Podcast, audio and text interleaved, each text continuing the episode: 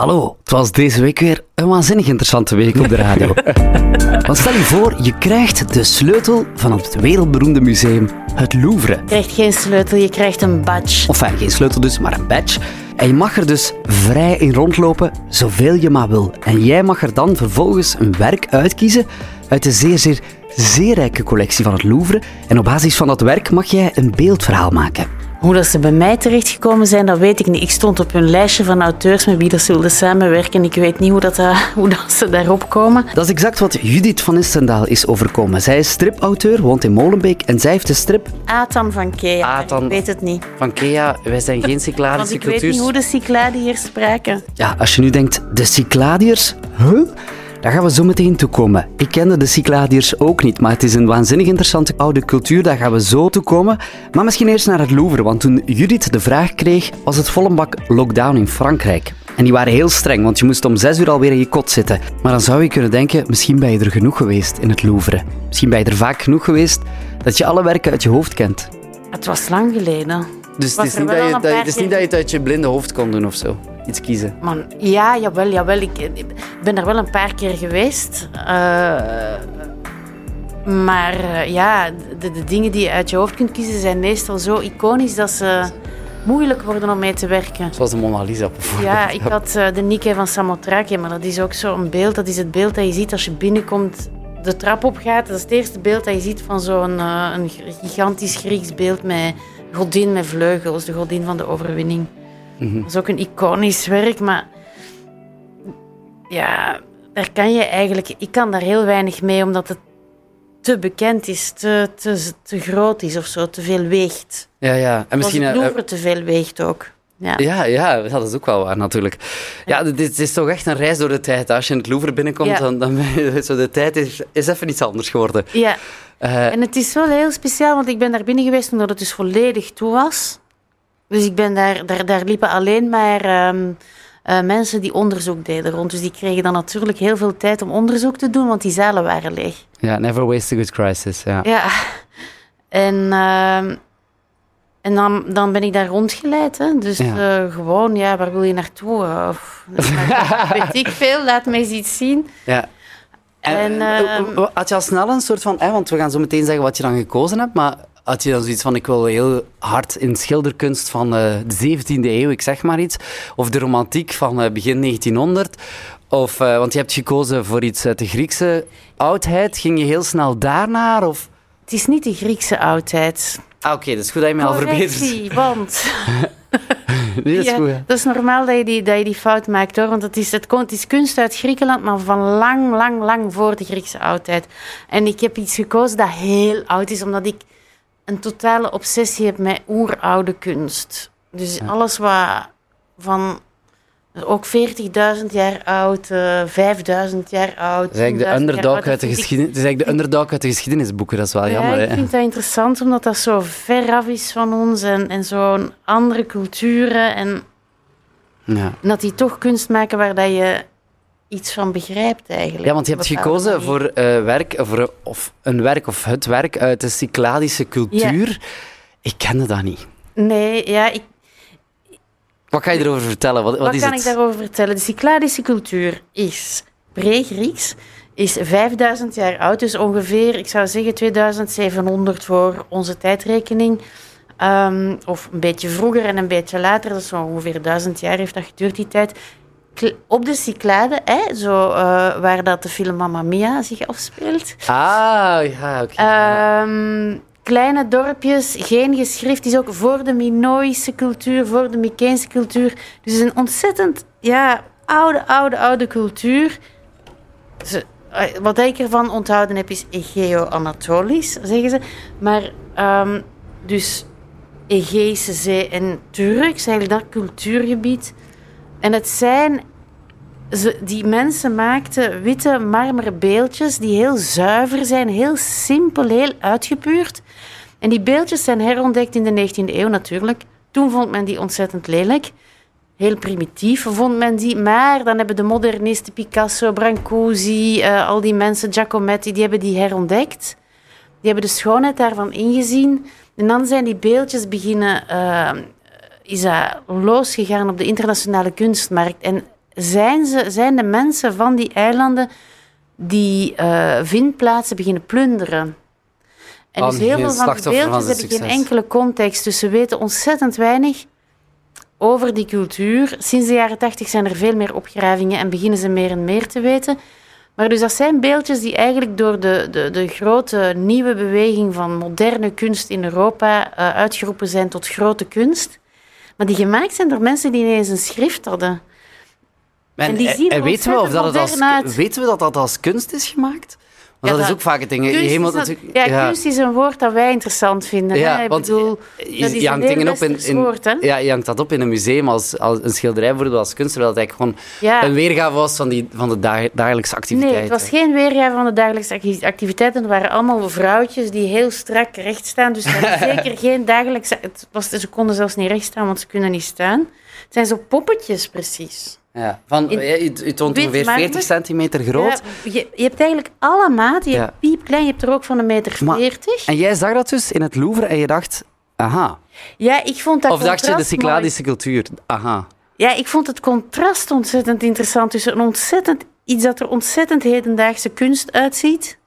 Ah, omdat het zo uh, minimalistisch is. Minimalistisch, heel mooi heel puur uitgezuiverd, bijna hedendaagse architectuur zou je kunnen zeggen. En dat in een cultuur die zelfs. En je denkt Griekse beelden. Nee, nee, nee. Lang voor de Grieken, lang, lang, lang We voor de Grieken. We spreken 5000 jaar geleden ongeveer. Ja, en dat vond ik een ontzettend interessant. ja, ik zie het, ja. Het leuke is dat we er weinig over weten, dus dat jij als, als, als artiest of als, als, als uh, iemand die veel fantasie hebt, want je maakt boeken, dat je alles zelf kan invullen. Heb je veel geresearched, desalniettemin? Je, je, je, sluit de nagel op de kop. Dus het leuke is inderdaad dat er weinig over geweten is en dus dat je kunt vertellen wat dat je wilt. Eigenlijk. Dat is ook het voordeel, want je zei daarnet, het beeld van Nike wou ik niet kiezen, want iedereen weet er alles al over. Hier kan je echt wel uh, een beetje leugentjes... ja, ah, of, of een loopje met de waarheid. Iets bedenken uh, en dan... Misschien klopt het, misschien klopt het niet. Je hebt een beetje een grotere vrijheid. Ja, ik heb heel veel erover gelezen, omdat ik dat heel graag doe. Zo van die wetenschappelijke artikels lezen over uh, rare kunst. Um, wat verbaasde jou het meest? Wat aan mij het meest verbaasde, ja, hè, was research, dat die dorpen. Hè? Dus die, die, die voorwerpen staan in het Louvre. Die staan in de Met in New York. Die staan echt in de grootste musea ter wereld. Dat wordt beschouwd als grote, grote kunst. En dat werd gemaakt in dorpen waarvan de grootste, die ze tot nu toe teruggevonden hebben, 300 inwoners hadden. Ah, dus een heel kleine nederzetting. Dus je, je, moet je voorstellen, de meeste nederzettingen waren 50 inwoners. En die maakten dan uh, ja, zo'n kunst.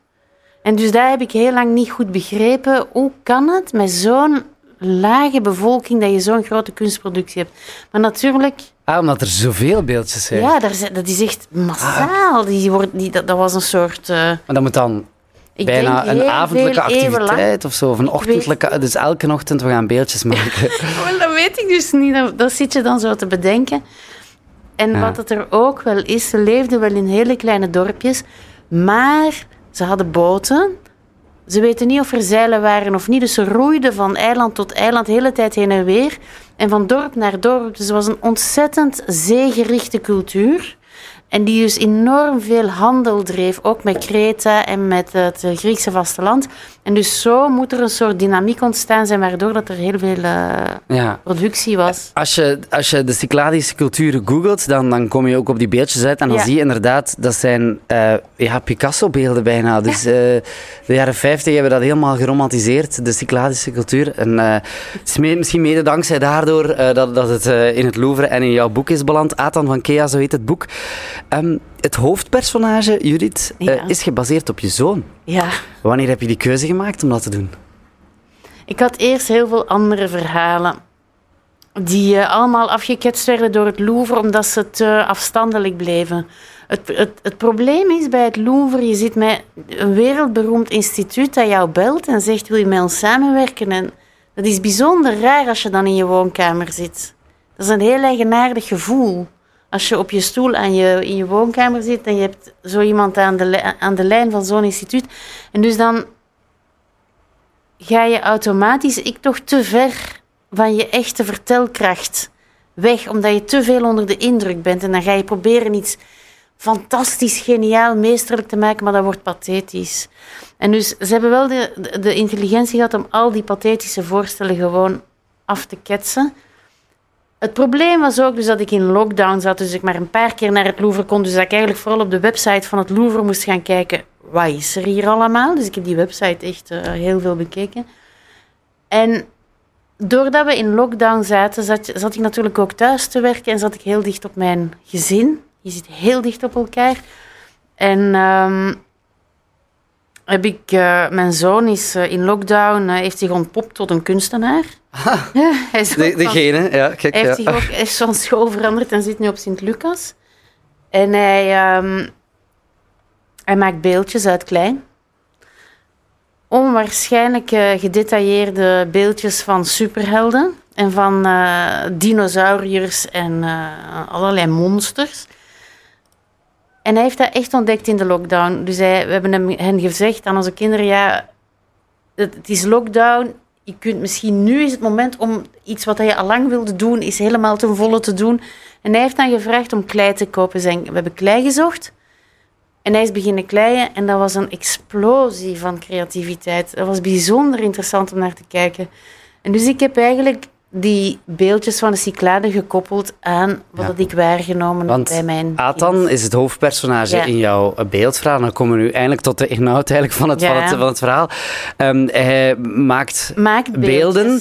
En die beelden die belanden dan 5000 jaar later in de collectie van het Louvre. Ja, Dat hij is- maakt beeldjes, maar hij maakt eigenlijk niet de beeldjes die zijn cultuur wil dat hij maakt. Hij Nee, maakt hij- namelijk superhelden uit klei.